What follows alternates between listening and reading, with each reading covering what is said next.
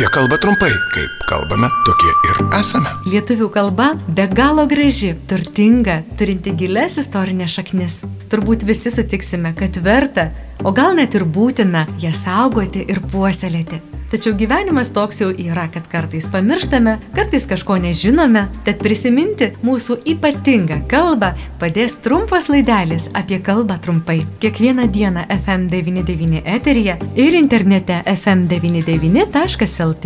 O jeigu jums kyla klausimų, kaip žodžius kirčiuoti, rašyti, kaip vartoti, rašykite ir klauskite FM99 eta FM99.lt. Prie projektų finansavimo prisideda Spaudos radio ir televizijos rėmimo fondas.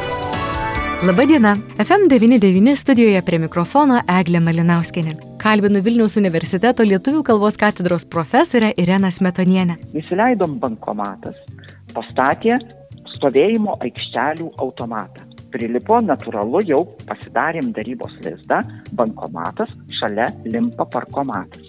Taip. Ką daryti dabar veiksmažodis?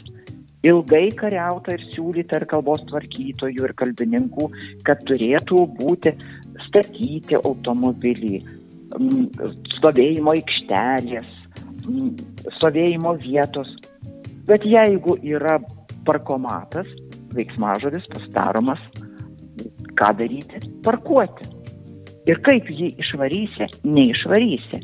Tada tik tai stebi ir žiūri, kita atėjusi karta sugalvos kokį nors žodį, ar nesugalvos.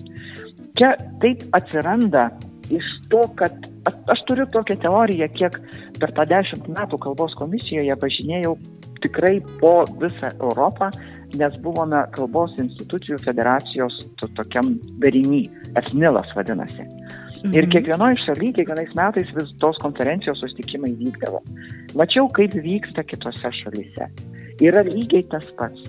Ir jų požiūris yra toks. Ir aš dabar ir studentams sakau, ir oficialiai visiems sakau, nors ne visiems, net ir kolegams tai patinka. Mes turime įsivesti du terminus ir du kalbos lygmenis. Yra lietuvių kalba, kurioje viskas egzistuoja. Egzistuoja tarmės, Egzistuoja vadinamieji sociolektai miesto kalbos. Egzistuoja žargonas.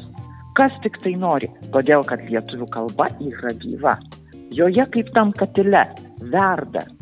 Kai nustos virti, neliks elektros. Viskas kalba mirs, nes joje nebevyks tie procesai. Ir iš tos lietuvių kalbos mes paimam gabaliuką, kurį dabar visas pasaulis vadina standartinė kalba. Tai yra dirbtinį konstruktą, kuriuo susikalbam viešai.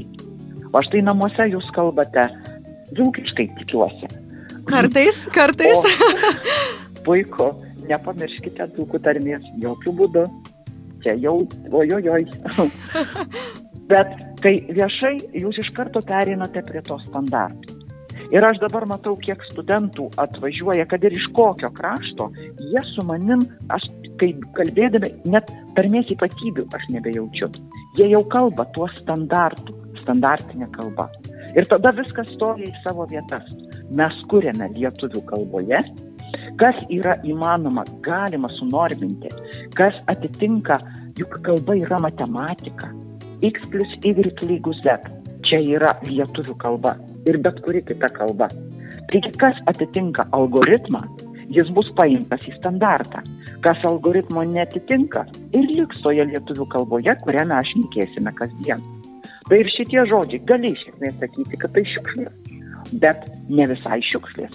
Nes kai pradedi gilintis, žiūri štai, kodėl atsirado. Ne iš piktybiškumo, kad aš tyčia sakysiu nelietuvišką žodį, o iš to, kad iš pasiūlyto varianto neina pasidaryti veiksmažodžių sudėtingi procesai, kurie turbūt ne vieną šimtą metų čia suksis, suksis, kol viskas išsirutulio. Į klausimus atsakyti padėjo Vilniaus universiteto lietuvių kalbos katedros profesorė Irena Smetonienė. Apie kalbą trumpai. Laidą remia Spaudos radio ir televizijos rėmimo fondas.